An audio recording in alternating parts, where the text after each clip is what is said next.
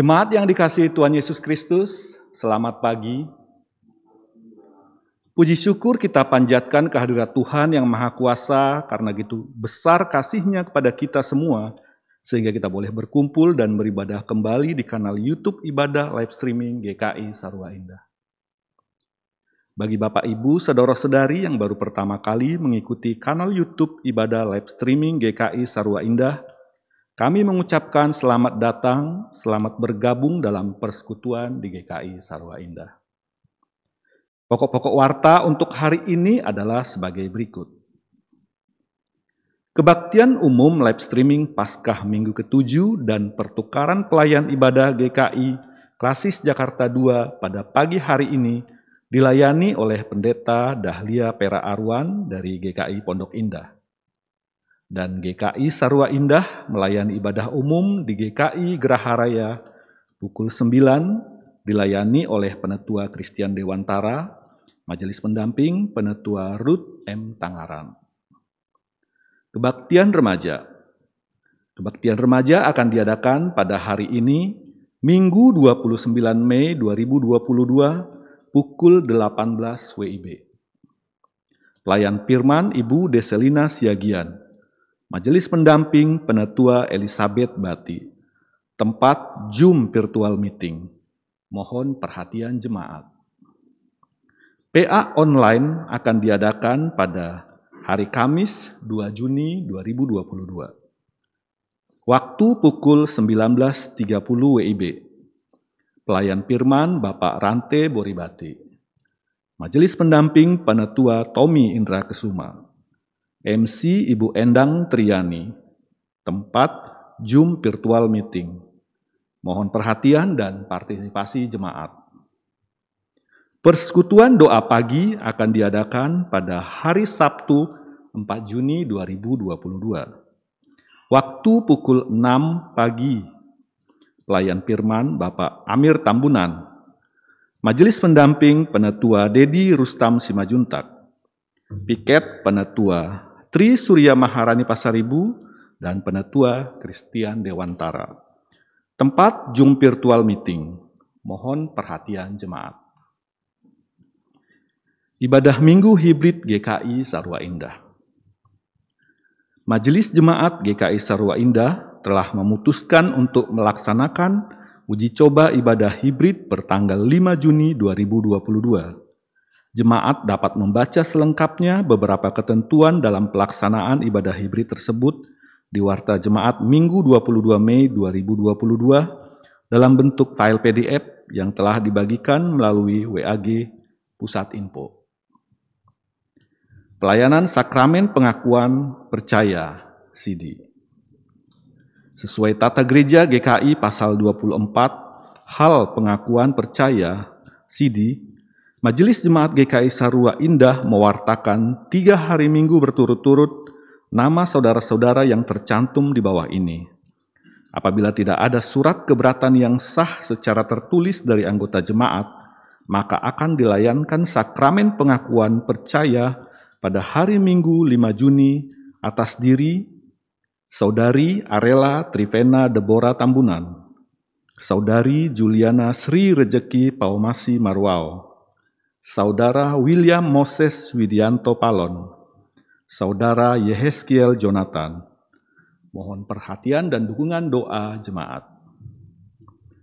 Demikian pokok-pokok warta untuk hari ini. Untuk lebih lengkapnya, jemaat dapat membaca di warta jemaat dalam bentuk file PDF. Segenap majelis jemaat mengucapkan selamat beribadah. Tuhan memberkati.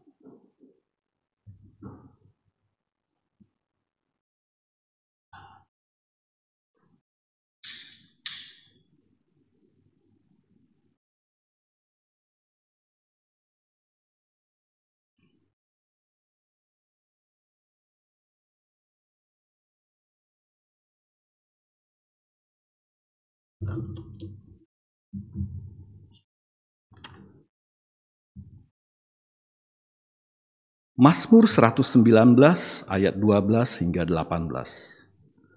Terpujilah Engkau ya Tuhan, ajarkanlah ketetapan-ketetapanmu kepadaku. Dengan bibirku aku menceritakan segala hukum yang kau ucapkan. Atas petunjuk peringatan-peringatanmu aku bergembira seperti atas segala harta. Aku hendak merenungkan titah-titahmu dan mengamat-amati jalan-jalanmu. Aku akan bergemar dalam ketetapan-ketetapanmu. Firmanmu tidak akan kulupakan. Lakukanlah kebajikan kepada Allahmu ini supaya aku hidup dan aku hendak berpegang pada firmanmu. Singkapkanlah mataku supaya aku memandang keajaiban-keajaiban dari Taurat. Umat kami undang untuk bangkit berdiri. Kita bernyanyi dari PKJ 132 bait yang pertama dan kedua langit menceritakan.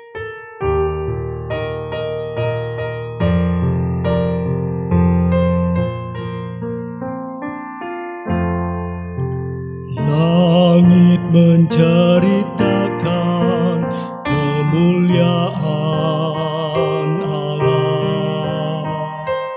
Alam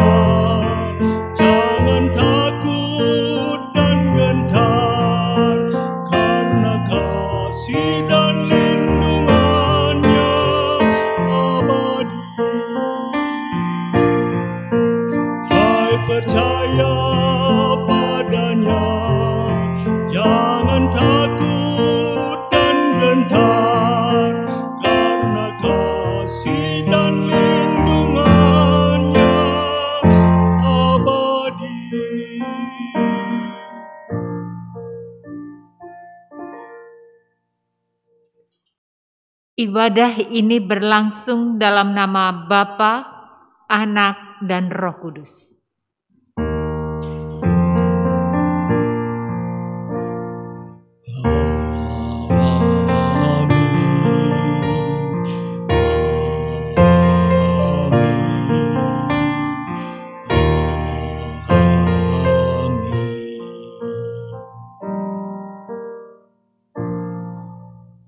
Tuhan berserta saudara.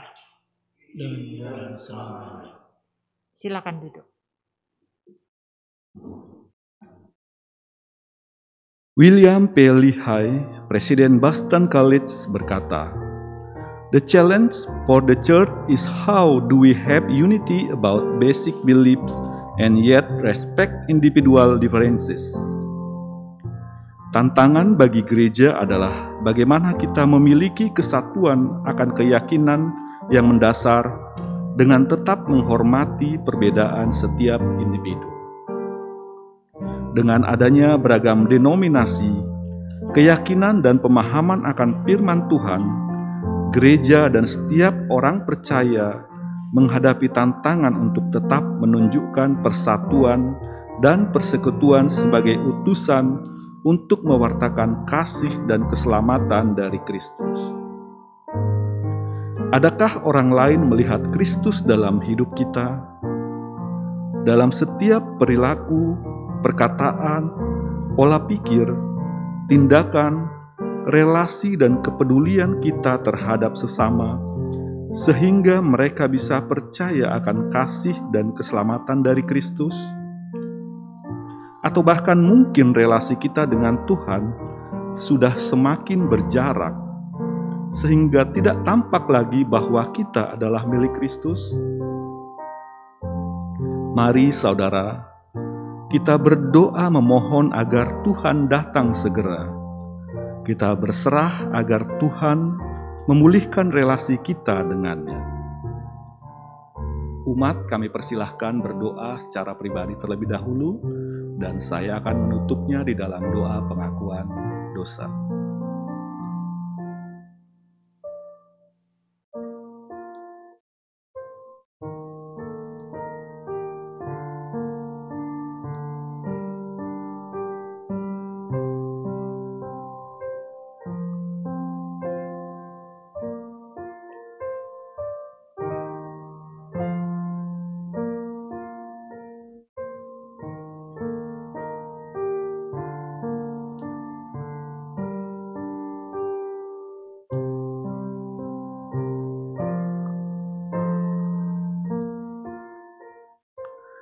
Bapa kami yang Maha Kudus, pagi hari ini kami datang kepadamu. Kami sujud kepadamu ya Bapa. Kami ingin meminta ampun kepadamu akan segala dosa-dosa dan pelanggaran yang telah kami perbuat di keseharian kami. Kami juga memohon ampun atas perbuatan-perbuatan kami yang terus-menerus menyakiti hati Bapa. Kami mengaku tidak hidup menurut contoh dan teladan Yesus.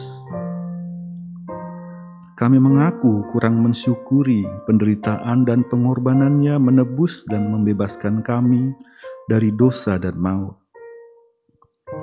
Kami tidak melakukan kasih dan kebenaran yang telah diajarkannya kepada kami. Kasihanilah dan ampunilah umatmu ya Allah. Ya Tuhan Allah, Bapa kami yang di surga, Engkau penuh rahmat dan belas kasihan kasihmu tidak berkesudahan, dan kesetiaanmu kekal. Sebab itu, ya Allah, kami memberanikan diri datang ke hadapanmu, mengaku segala dosa dan kesalahan, serta memohon pengampunanmu. Bangkitkanlah kami kembali ya Tuhan, oleh kasih dan pengampunanmu. Hindarkanlah kami dengan kekuatan salibmu dari segala godaan, dari malapetaka, penyakit, bahkan dari maut yang membinasakan. Kembangkanlah di dalam diri kami cinta kepadamu, agar kami selalu meluhurkan namamu dengan setia. Berilah kami pengampunan dosa dan damai sejahtera ya Bapa. Bebaskanlah kami dari dosa-dosa dan baharuilah hidup kami dalam Yesus Kristus juru selamat kami. Amin.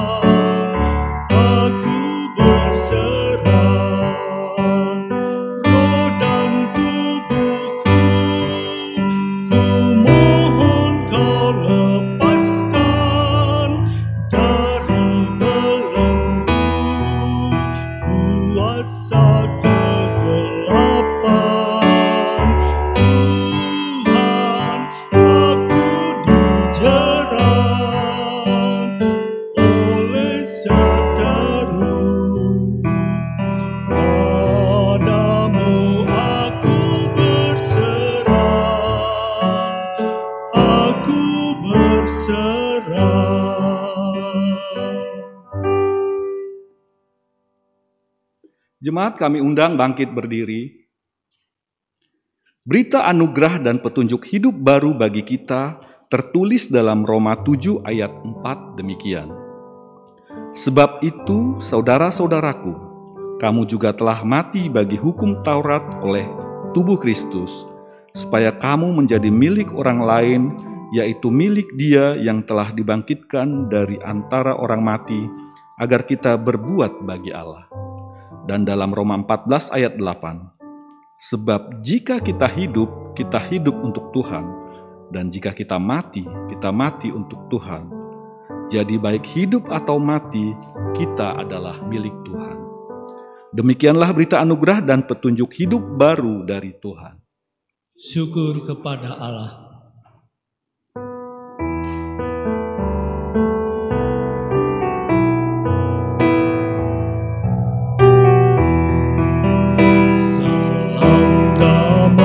Kita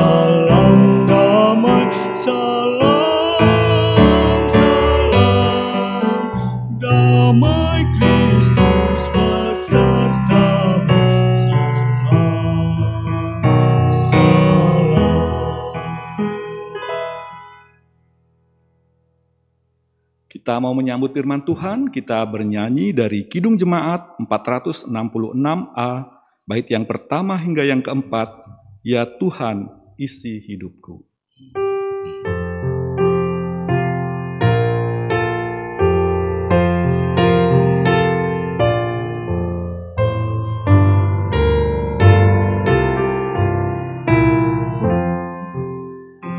Ya Tuhan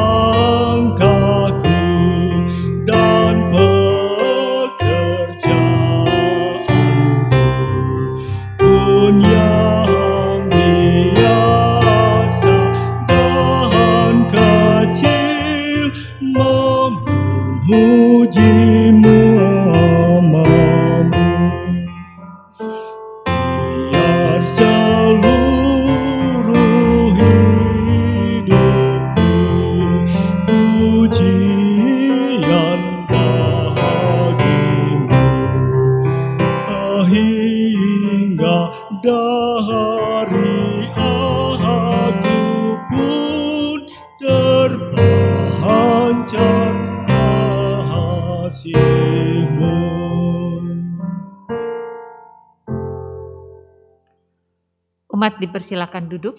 Kita akan mempersiapkan hati dan pikiran kita untuk membaca dan merenungkan firman Tuhan. Mari kita satu di dalam doa. Kita berdoa. Bapa kami yang ada di dalam sorga, kiranya kuasa pengampunan yang kau limpahkan kepada kami, menggerakkan kami, memotivasi kami untuk menjadi saksi sebagai bukti hidup kami yang dirangkul dan dijaga oleh cinta Tuhan, yang membawa seluruh kehidupan kami mengalami perubahan, yang dimampukan menjadi terang dan garam dalam hidup bersama kami.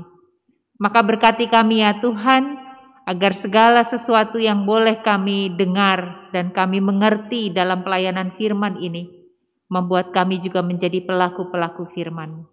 Berfirmanlah kepada kami karena kami siap untuk mendengar dan memeliharanya. Di dalam Kristus Yesus Sang Firman yang hidup. Amin.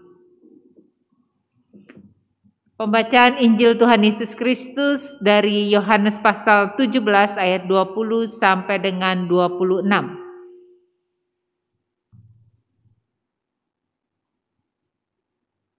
Yohanes 17 ayat 20 sampai dengan 26 demikian. Dan bukan untuk mereka ini saja aku berdoa, tetapi juga untuk orang-orang yang percaya kepadaku oleh pemberitaan mereka, supaya mereka semua menjadi satu sama seperti Engkau ya Bapa, di dalam aku dan aku di dalam Engkau, agar mereka juga di dalam kita, supaya dunia percaya bahwa Engkaulah yang telah mengutus aku. Dan aku telah memberikan kepada mereka kemuliaan yang Engkau berikan kepadaku, supaya mereka menjadi satu, sama seperti kita adalah satu. Aku di dalam mereka, dan Engkau di dalam aku, supaya mereka sempurna menjadi satu, agar dunia tahu bahwa Engkau yang telah mengutus aku dan bahwa Engkau mengasihi mereka sama seperti Engkau mengasihi aku. Ya Bapa, aku mau supaya di mana pun aku berada, mereka juga berada bersama-sama dengan aku, mereka yang telah Engkau berikan kepadaku, agar mereka memandang kemuliaanku yang telah Engkau berikan kepadaku. Sebab engkau telah mengasihi aku sebelum dunia dijadikan. Ya Bapa yang adil, memang dunia tidak mengenal engkau, tetapi aku mengenal engkau dan mereka ini tahu bahwa engkaulah yang telah mengutus aku. Dan aku telah memberitahukan namamu kepada mereka, dan aku akan memberitahukannya supaya kasih yang engkau berikan kepadaku ada di tengah mereka, dan aku ada di dalam mereka. Demikianlah Injil Tuhan Yesus Kristus. Berbahagialah mereka yang mendengarkan firman Allah dan yang memeliharanya dalam kehidupan sehari-hari. Haleluya!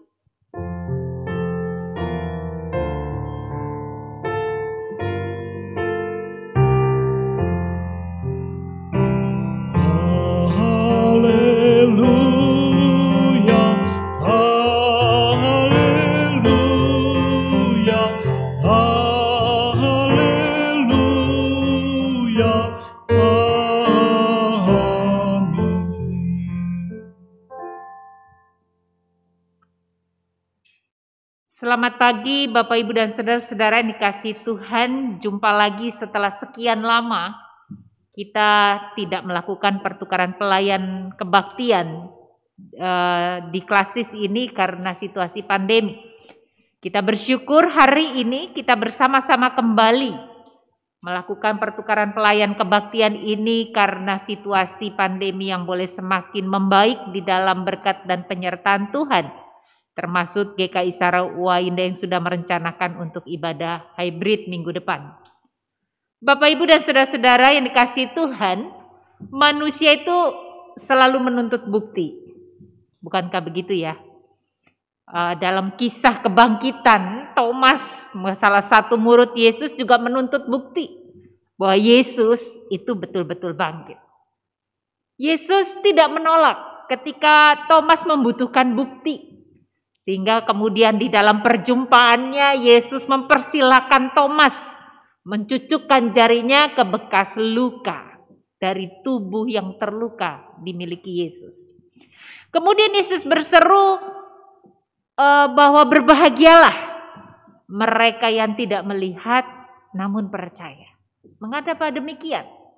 Karena Yesus ingin memberitahukan bahwa tindakan percaya, mempercayai Allah Mempercayai dia sering kali tindakan itu tidak didasarkan pada bukti. Percaya dulu, percaya saja. Maka rasa percaya itu akan menuntun kamu untuk melihat bukti. Percaya saja bahwa dunia ini diciptakan Allah. Maka kemudian kamu akan melihat, dibuktikan bagaimana dunia ini diciptakan oleh Allah. Tanpa perlu kita mengatakan tunjukkan dulu siapa Allah di hadapanku, baru aku percaya ada Tuhan. Karena itulah yang disebut dengan berbahagia orang yang tidak melihat namun percaya. Allah secara kasat mata tidak kita lihat tapi kita percaya dia ada.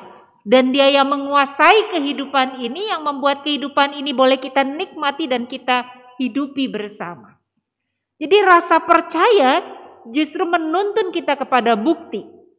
Bukan bukti dulu untuk percaya. Namun di lain sisi dalam kehidupan keseharian kita, di dalam perjumpaan kita bersama dengan orang lain, emang kita tetap membutuhkan bukti. Misalnya dalam proses pengadilan, ketika kita berperkara, pengadilan tidak bisa mengatakan saya percaya kepadamu. Tetapi proses pengadilan justru menunjukkan kepada kita bukti-bukti apakah tuntutan yang disampaikan oleh seseorang itu bisa dipercaya. Pemahaman asumsi akan diuji lewat bukti. Dalam kehidupan kita setiap hari, juga kita bisa melihat dan uh, ada sebuah ungkapan yang mengatakan satu tindakan, satu bukti itu mematahkan seribu perkataan. Jadi cara kita berelasi dengan sesama masih membutuhkan bukti dan itulah yang terjadi dalam kehidupan kita. Bahwa ternyata apa yang dilihat, apa yang dialami menjadi suatu bukti yang mengukuhkan pemahaman ataupun asumsi. Bapak Ibu dan saudara-saudara yang dikasih Tuhan, dunia ini yang kita hidupi adalah dunia yang penuh dengan persaingan, penuh dengan kekerasan dan penindasan satu terhadap yang lain. Bahkan hidup yang penuh dengan persaingan, kekerasan, dan penindasan itu dianggap hal yang wajar. Bahkan orang mengatakan begitulah cara kita hidup atau begitulah cara kita bertahan hidup. Menghancurkan atau dihancurkan. Daripada saya dihancurkan, lebih saya baik saya menghancurkan. Tujuan-tujuan kita hidup, tujuan saya hidup apa sih? Biasanya dibuat, biasanya dibuat seputar kejayaan seputar kekayaan, kemewahan, dan kekuasaan. Saya ingin hidup supaya saya bisa hidup seperti raja. Bahasa anak sekarang adalah gaya hidup seorang sultan.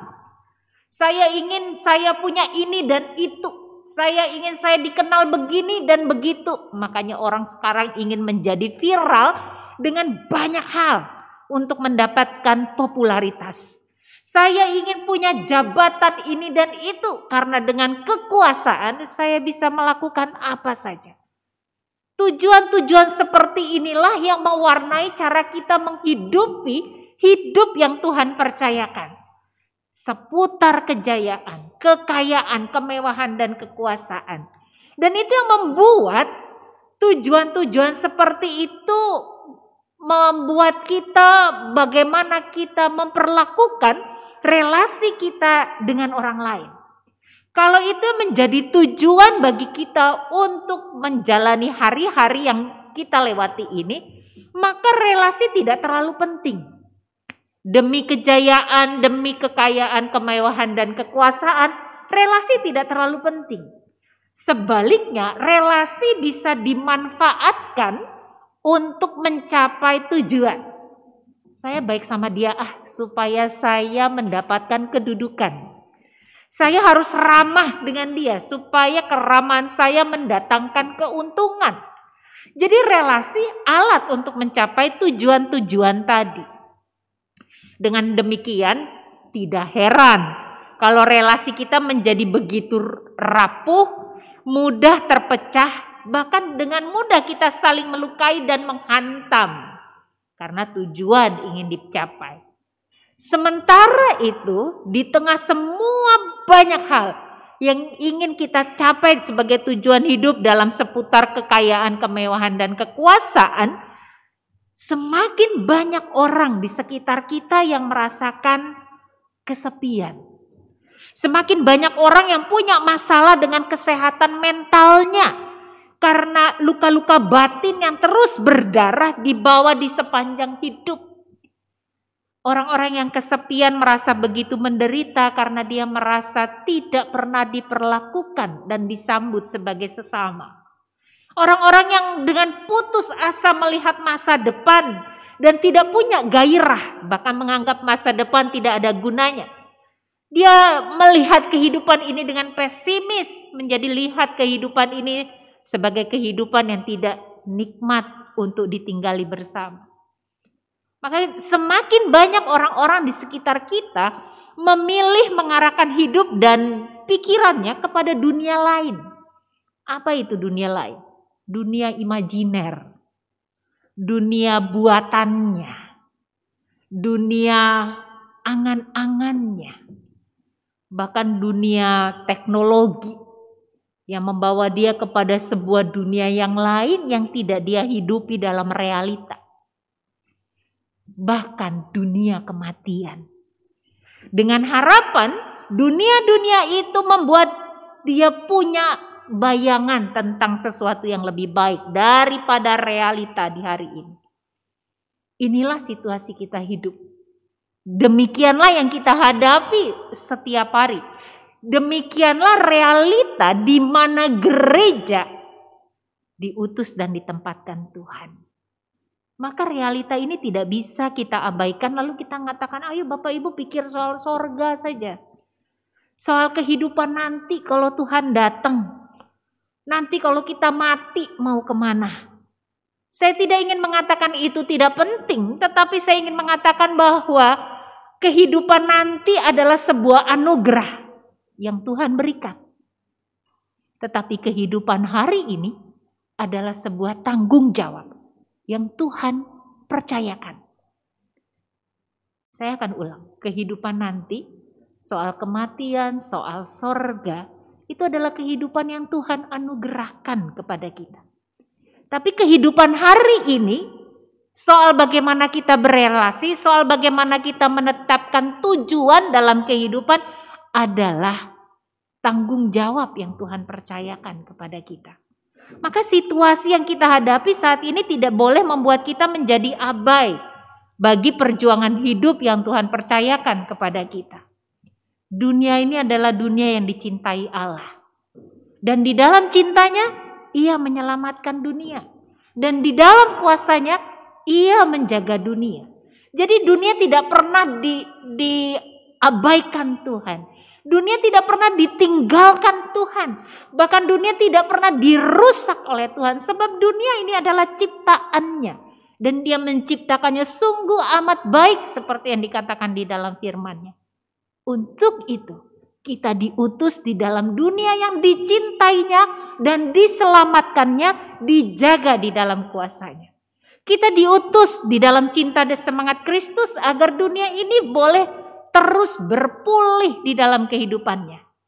Dan berpulih itu menyangkut banyak hal dalam soal seluruh alam semesta ini dalam berelasi kita dengan sesama, kita dengan Tuhan, kita dengan diri kita. Allah memperhitungkan relasi menjadi sesuatu yang penting seiring dengan tujuan. Tujuan Allah, tujuan Yesus Kristus mengerjakan misinya di tengah dunia adalah melakukan kehendak Bapa di dalam ketaatan. Tujuan Yesus melakukan kehendak Bapa di dalam ketaatan itu membuat Yesus menghargai, memperhitungkan, menjaga, merawat dan memulihkan relasi di antara sesama manusia. Lihatlah bagaimana sebuah tujuan mempengaruhi bagaimana seseorang berperilaku. Pada saat tujuan hidup kita hanya demi kejayaan, popularitas, kekayaan, dan kemewahan, relasi kita pertaruhkan. Hidup kita porak-poranda. Relasi kita kita pertaruhkan demi segala sesuatu yang ingin memuaskan diri kita. Tetapi pada saat tujuan kita adalah demi kemuliaan Allah. Tujuan kita melakukan kehendak Sang Bapa. Relasi kita dipulihkan. Relasi kita dikuatkan. Yang membuat kemudian hidup ini bisa dinikmati bersama-sama. Bukan dengan saling cakar. Bukan dengan saling menghantam. Tapi saling membangun. Bapak, Ibu, dan saudara-saudara, jika awal pertama saya berbicara tentang bukti, lalu saya berbicara tentang relasi. Apa kaitan bukti dan relasi? Dalam bacaan kita Yohanes 17 adalah sebuah e, bacaan yang mengisahkan bagaimana Yesus berdoa bagi manusia, Yesus berdoa bagi umat percaya. Dia berdoa bagi para para para muridnya. Ketika Yesus berdoa bagi para muridnya, berdoa bagi manusia, ini menunjukkan satu hal lagi kepada kita. Bahwa Yesus peduli dan menganggap penting relasi. Dia peduli pada manusia. Dan itu sebabnya dia peduli bagaimana manusia harus saling terkait satu dengan yang lain. dan bagaimana manusia terkait dengan dirinya. Dan Yesus menggunakan berulang-ulang kali kata satu. Supaya mereka satu seperti kita adalah satu. Supaya mereka ada di dalam aku seperti aku ada di dalam sang Bapa. Kesatuan. Kesatuan Allah dan umat yang membuat umat dapat memperjuangkan kesatuannya dengan sesamanya manusia. Dengan kesatuan itulah kita meneladani Sang Bapa, Anak, dan Roh Kudus. Kesatuan itulah yang menjadi bukti bagi dunia. Beberapa kali Yesus mengatakan di dalam doanya supaya dunia tahu. Supaya dunia tahu itu menunjukkan bukti. Karena mereka tidak mengenal aku tetapi orang-orang ini mengenal aku maka supaya dunia tahu bahwa aku ini adalah anakmu. Orang yang engkau utus di tengah dunia. Jadi bagaimana kita menggarami dunia adalah bagaimana kita menghidupi apa yang kita imani di dalam Kristus. Itulah bukti menjadi terkait dengan relasi. Dia mengatakan bahwa kesatuan kita di dalam Tuhan membuat kita mampu memperjuangkan kesatuan kita bersama dengan umat manusia dan ketika itu kita perjuangkan itu menjadi sebuah bukti yang kita tunjukkan kepada dunia bagaimana seharusnya kita hidup bersama dalam dunia ini. Kesatuan yang kita hidupi menjadi sebuah pengalaman hidup dan pengalaman iman. Biarlah itu boleh membuat setiap orang bisa melihat bahwa ketika kita satu, tidak saling cakar dan melukai, Di situlah kita bisa melihat bagaimana persekutuan umat percaya kita dikembangkan di dalam kepedulian, cinta kasih, empati, bahkan menjadi ruang untuk memulihkan luka. Sekalipun pada saat kita berelasi kita dimungkinkan untuk terluka lagi. Tetapi pada saat kita terluka di dalam kesatuan kita punya kesempatan untuk sembuh. Sebab kesatuan selalu memberi ruang bagi setiap orang ruang yang sama, kesempatan yang sama untuk berjalan dan bertumbuh bersama. Memang tidak ada satupun jaminan yang ingin mengatakan bahwa kesatuan itu akan berjalan baik-baik saja. Tetapi ada jaminan bahwa segala sesuatu yang kita lewati di dalam kesatuan bersama dengan Allah di tengah umat manusia, pengalaman yang paling buruk sekalipun dapat kita respon di dalam cinta, pengampunan, dan pemulihan. Dan akhirnya justru pengalaman-pengalaman seperti itu membuat kita semakin erat. Dengan kata lain saya ingin mengatakan bahwa kalau kita hidup di dalam kesatuan dalam cinta Tuhan, pada saat kita terjatuh, pada saat kita salah, orang lain mengangkat kita, orang lain memberi ruang berkali-kali kepada kita untuk menjadi lebih baik, bukan menghakimi, bukan menyudutkan, bahkan bukan menyingkirkan, maka pengalaman itu membuat kita merasa diterima, membuat kita merasa kita ini bertumbuh bersama, dan Dia akan menghargai bagaimana kesatuan itu terus dijaga dan menjadi alat untuk mengembangkan kesatuan. Maka, bagaimana kita membangun kesatuan kita di antara manusia? Pertama-tama kesatuan itu hanya bisa kita perjuangkan pada saat kita memiliki kesatuan bersama dengan Allah. Tanpanya kita selalu berpusat kepada diri sendiri. Maka punya relasi yang mendalam bersama dengan Allah, tidak terpisah dengan Allah, itulah yang menopang kita untuk dapat menjadi alat saat kesatuan dalam kehidupan umat. Relasi dengan Allah menopang kita untuk menjaga cinta kasih kita, tidak berkurang, tapi terus cukup untuk memenuhi kehidupan ini. Dan relasi kita dengan Allah memampukan kita punya kemurnian hati, memperlakukan sesama dalam ketulusan. Inilah dasar bagaimana kita memperjuangkan kesatuan dalam hidup bersama. Yang kedua, kebesaran hati dan kesediaan untuk menerima. Belajar untuk menerima tanpa syarat dan tanpa tuntutan. Ini sesuatu yang sulit Bapak Ibu, kita biasa dituntut untuk menerima. Kamu baik dulu baru aku bisa baik padamu, begitu ya. Suami istri juga sering begitu. Kamu bikin itu dulu dong, baru saya bisa bikin begini. Kamu bertanggung jawab dulu baru saya lakukan itu. Relasi orang tua anak juga penuh dengan tuntutan. Kamu beres di sekolah dulu baru saya percaya. Orang anak juga nggak mau kalah. Kamu kasih teladan dulu baru saya mau melakukan. Maka relasi yang penuh dengan tuntutan seperti itu tidak akan membawa kita kepada sebuah pertumbuhan dalam kesatuan. Orang yang nuntut tuh orang yang nunggu. Kamu ini dulu maka saya nunggu. Pada saat saya nunggu, saya tidak bikin apa-apa. Saya tidak berkontribusi apa-apa untuk membuat relasi kita menjadi lebih baik. Maka untuk menciptakan kesatuan adalah kesediaan untuk menerima, membebaskan diri dari tuntutan. Lah kalau dia kelakuannya jelek masa sih kita terima? Ah, ini sebabnya. Karena penerimaan itu bukan ingin melegalkan perilaku-perilaku buruk. Oke, kamu saya terima kamu adanya ya, kamu maling situ, ya nyuri situ, nggak bertanggung jawab ya situ. Saya terima kamu apa adanya. Bukan begitu. Penerimaan itu membuat seseorang menghargai apa yang dilakukan orang kepada dirinya. Saya mengasihimu, titik. Bukan saya mengasihimu kalau kamu begitu.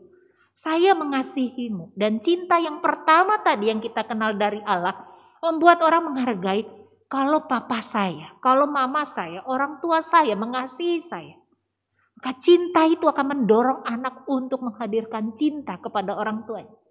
Kalau pasangan mengasihi, kalau dia menunjukkan cinta kasih yang besar, maka cinta kasih yang tumbuh di antara pasangan akan membuat setiap orang bergerak untuk menunjukkan cinta kasih. Dan itu yang membedakan.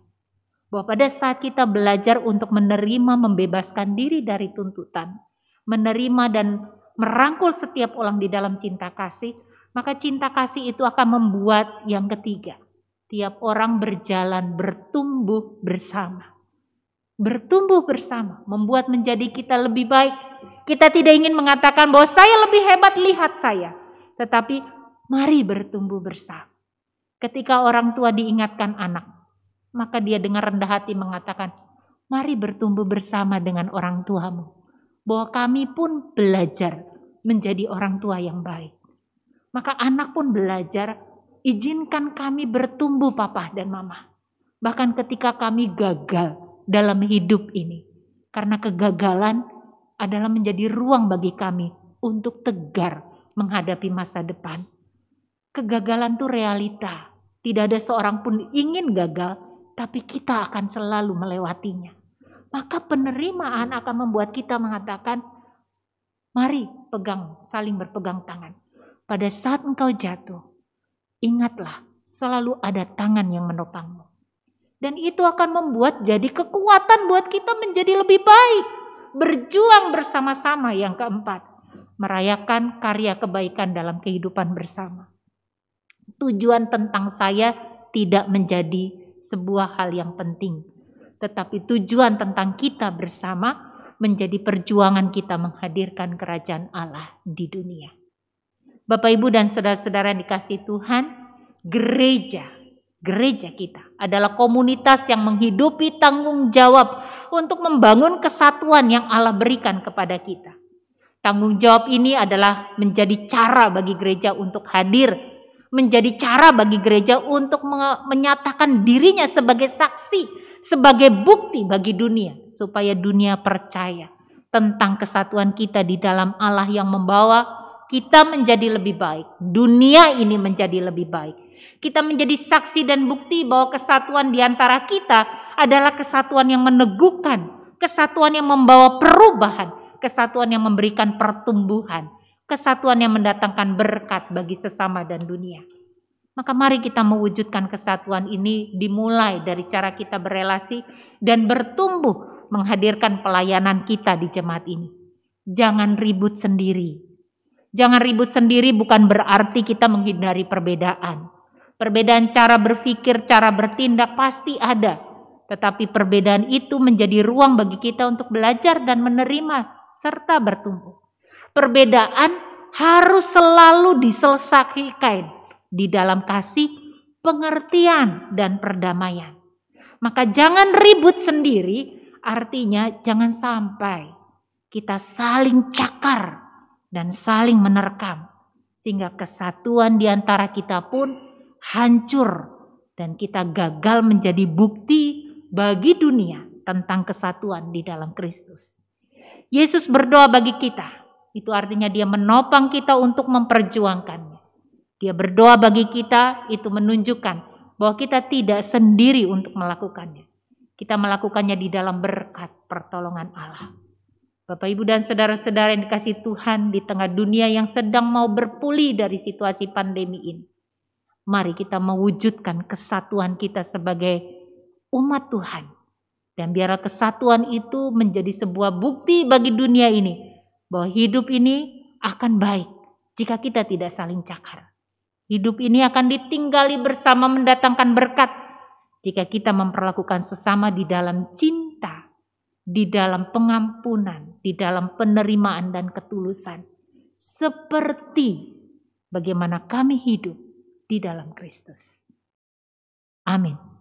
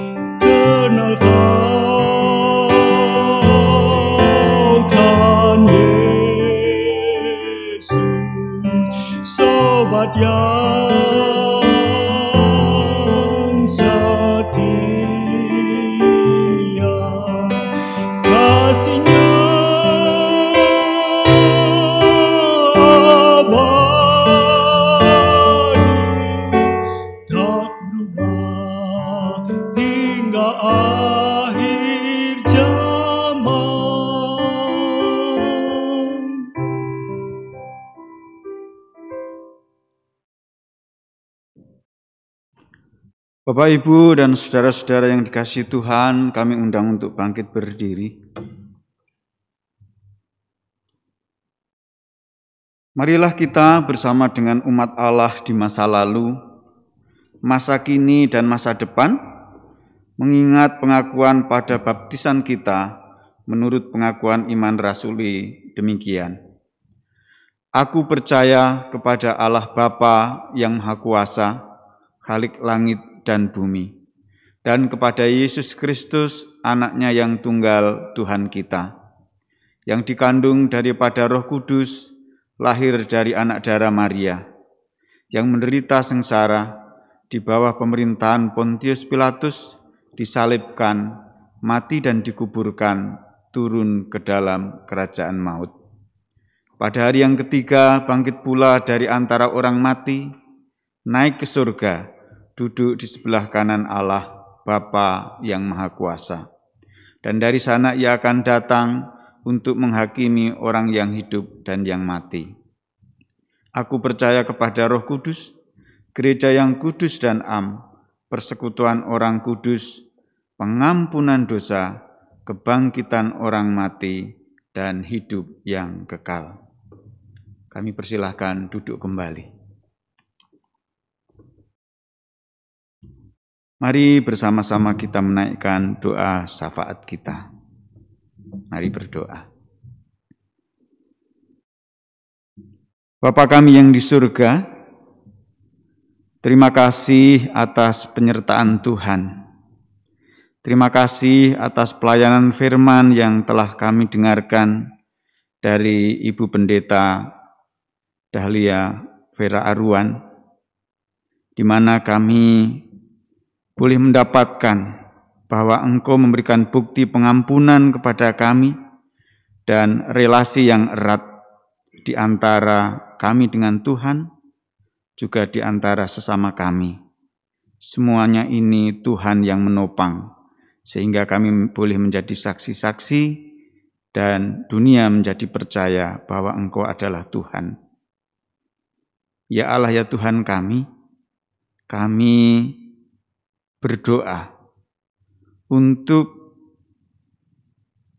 gereja di Nusa Loka. Kiranya Tuhan memberkati untuk proses-proses yang akan dijalani.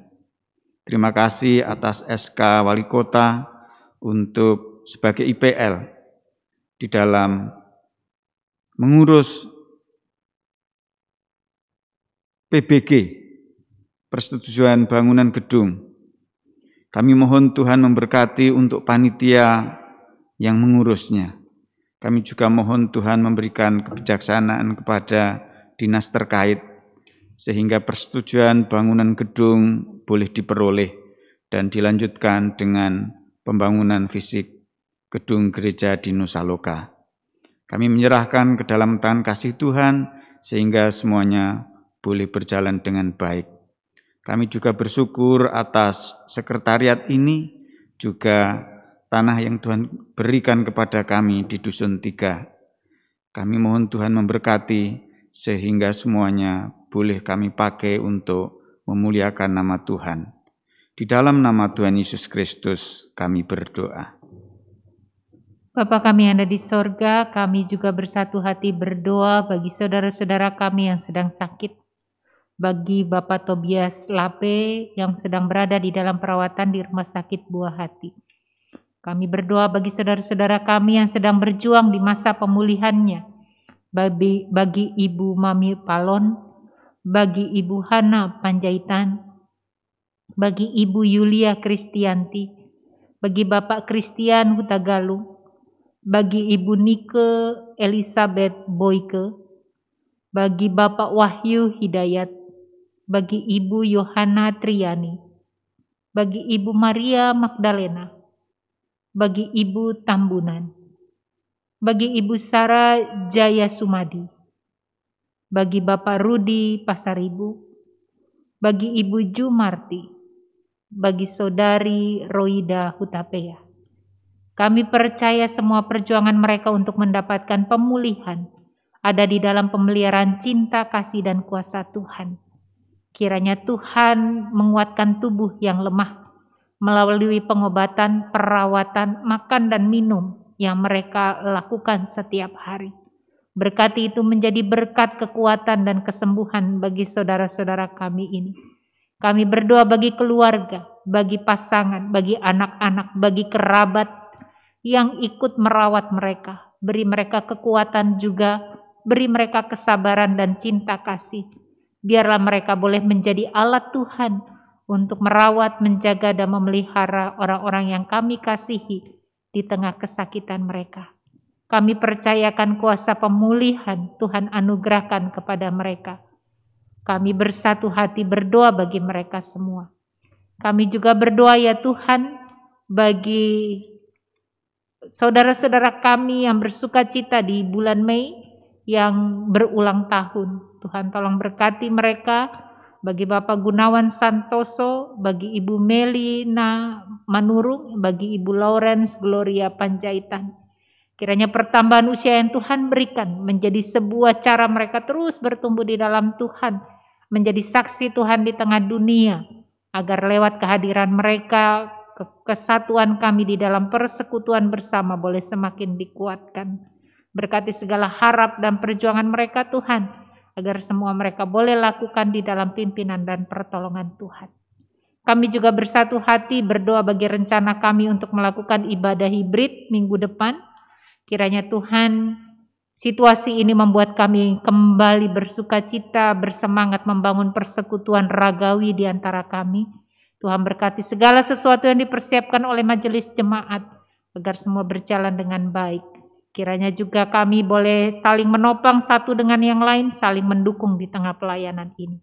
Kami serahkan juga pelayananmu di Jemaat GKI Sarwa Indah ini, agar segala pelayanan yang boleh kami lakukan adalah cara kami menjadi bukti bagi dunia, menjadi saksi bagi persekutuan yang indah bersama dengan umat manusia, agar membuat kehidupan bersama kami ini menjadi lebih baik. Terima kasih ya Bapak. Kami berserah sepenuhnya ke dalam pemeliharaan tangan pengasihan Tuhan yang terus meneguhkan kami mengerjakan misi Allah di tengah dunia ini. Di dalam Kristus Yesus yang telah mengajarkan kami berdoa.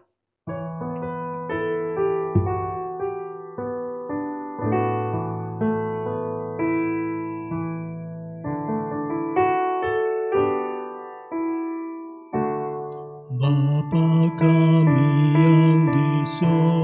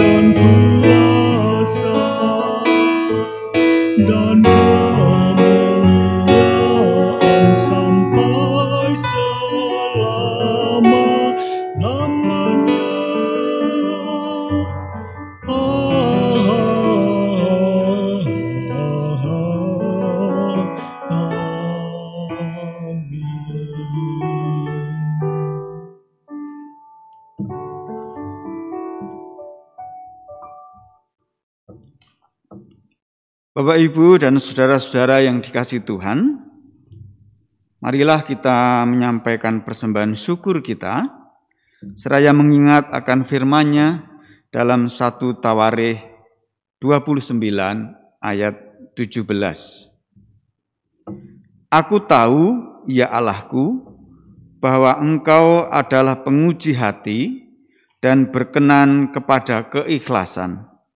Maka aku pun mempersembahkan semuanya itu dengan sukarela dan tulus ikhlas. Dan sekarang umatmu yang hadir di sini telah kulihat memberikan persembahan sukarela kepadamu dengan sukacita. Bersama-sama kita menyampaikan persembahan kepada Tuhan, kita memuji dari Kidung Jemaat 362 bait 1 dan 3. Aku milikmu, Yesus Tuhanku.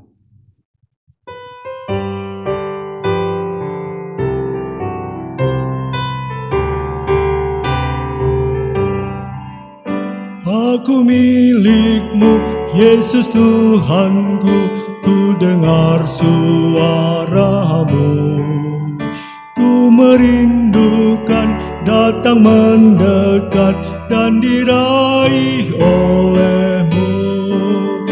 Raih daku dan dekatkanlah pada kaki salibmu. Raih daku, raih dan dekatkanlah ke sisimu Tuhanku.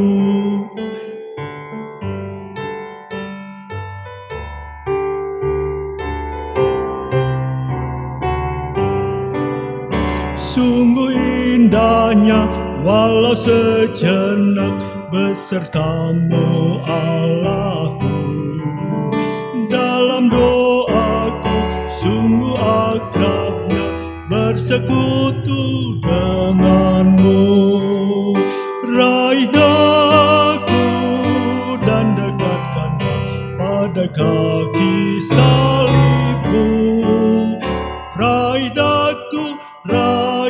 dan dekatkanlah ke sisimu Tuhanku. Kembali kami undang untuk bangkit berdiri. Marilah kita berdoa untuk persembahan yang telah kita sampaikan kepada Tuhan. Mari berdoa. Ya Allah yang maha murah, Allah yang menyelenggarakan kehidupan kami, kami mengucap syukur atas penyertaan Tuhan di dalam kehidupan kami hari lepas hari. Tuhan mencukupkan, bahkan melebihkan akan kebutuhan-kebutuhan kami. Juga Tuhan memberikan pengampunan kepada kami. Tuhan telah berfirman untuk kehidupan kami. Terima kasih atas semua yang Tuhan berikan. Pada saat ini sebagian rezeki yang Tuhan berikan kepada kami, kami persembahkan kepadamu. Kiranya Tuhan memberkati, sehingga persembahan yang kami kumpulkan ini boleh kami pakai untuk kebutuhan-kebutuhan kami sebagai gereja, juga untuk kebutuhan saudara-saudara kami yang lain. Kami mohon Tuhan juga memberkati kami sebagai majelis jemaat, sebagai badan pelayanan, sehingga persembahan ini boleh berkenan di hadapan Tuhan. Kami berdoa di dalam nama Tuhan Yesus Kristus. Amin.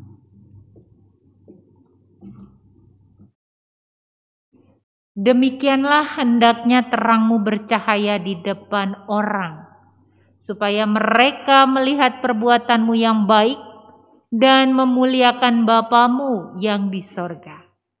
Jadilah mercusuar kasih Bapa di dunia, supaya setiap orang yang melihat cahayanya menjadi percaya.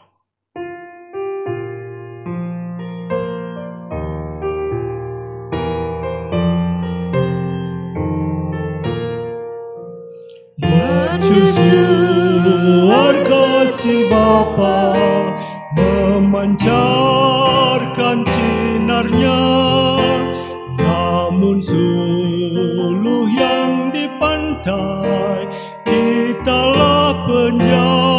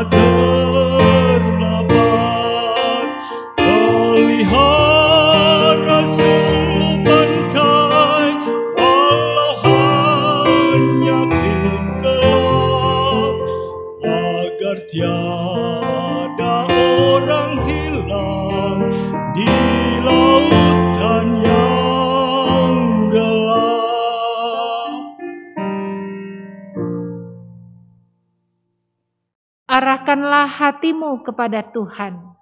Kami mengarahkan hati kepada Tuhan. Jadilah saksi Kristus. Syukur kepada Allah Terpujilah Tuhan. kini dan selamanya. Maka saudara-saudara terimalah berkat Tuhan. Tuhan memberkati engkau dan melindungi engkau. Tuhan menyinari engkau dengan wajahnya dan memberi engkau kasih karunia.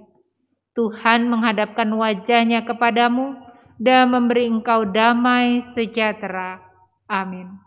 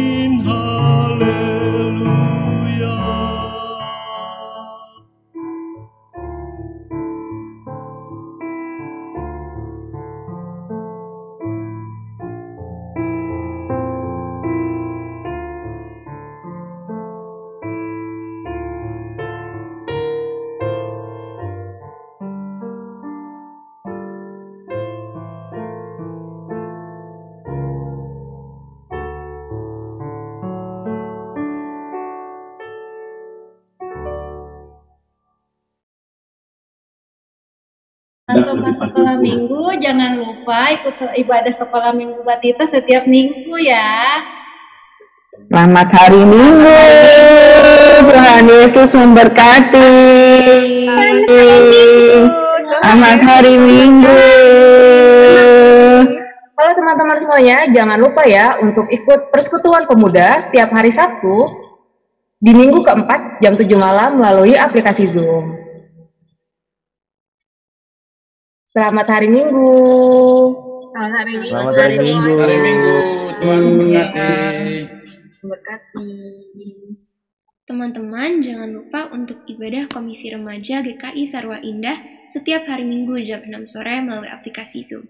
Selamat hari Minggu. Selamat hari Minggu. Hari Minggu.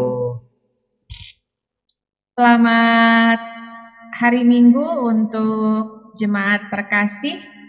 Eh, mari bergabung dengan kami di Persekutuan Komisi Dewasa yang kita adakan di setiap minggu keempat di hari Sabtu pukul 19 waktu Indonesia Barat. Mari ikut bergabung bersama-sama mendalami firman Tuhan, bersama-sama uh, untuk sharing dan diskusi uh, dan saling menyemangati satu sama lain. Terima kasih, ditunggu kehadirannya. Selamat hari Minggu.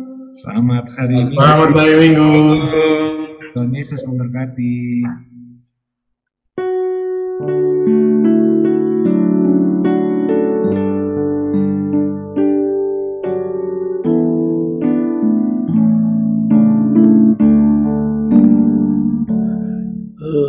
Engkau sang sabar menanti. Sedikit tak jemu. Menunggu menungguku bukakan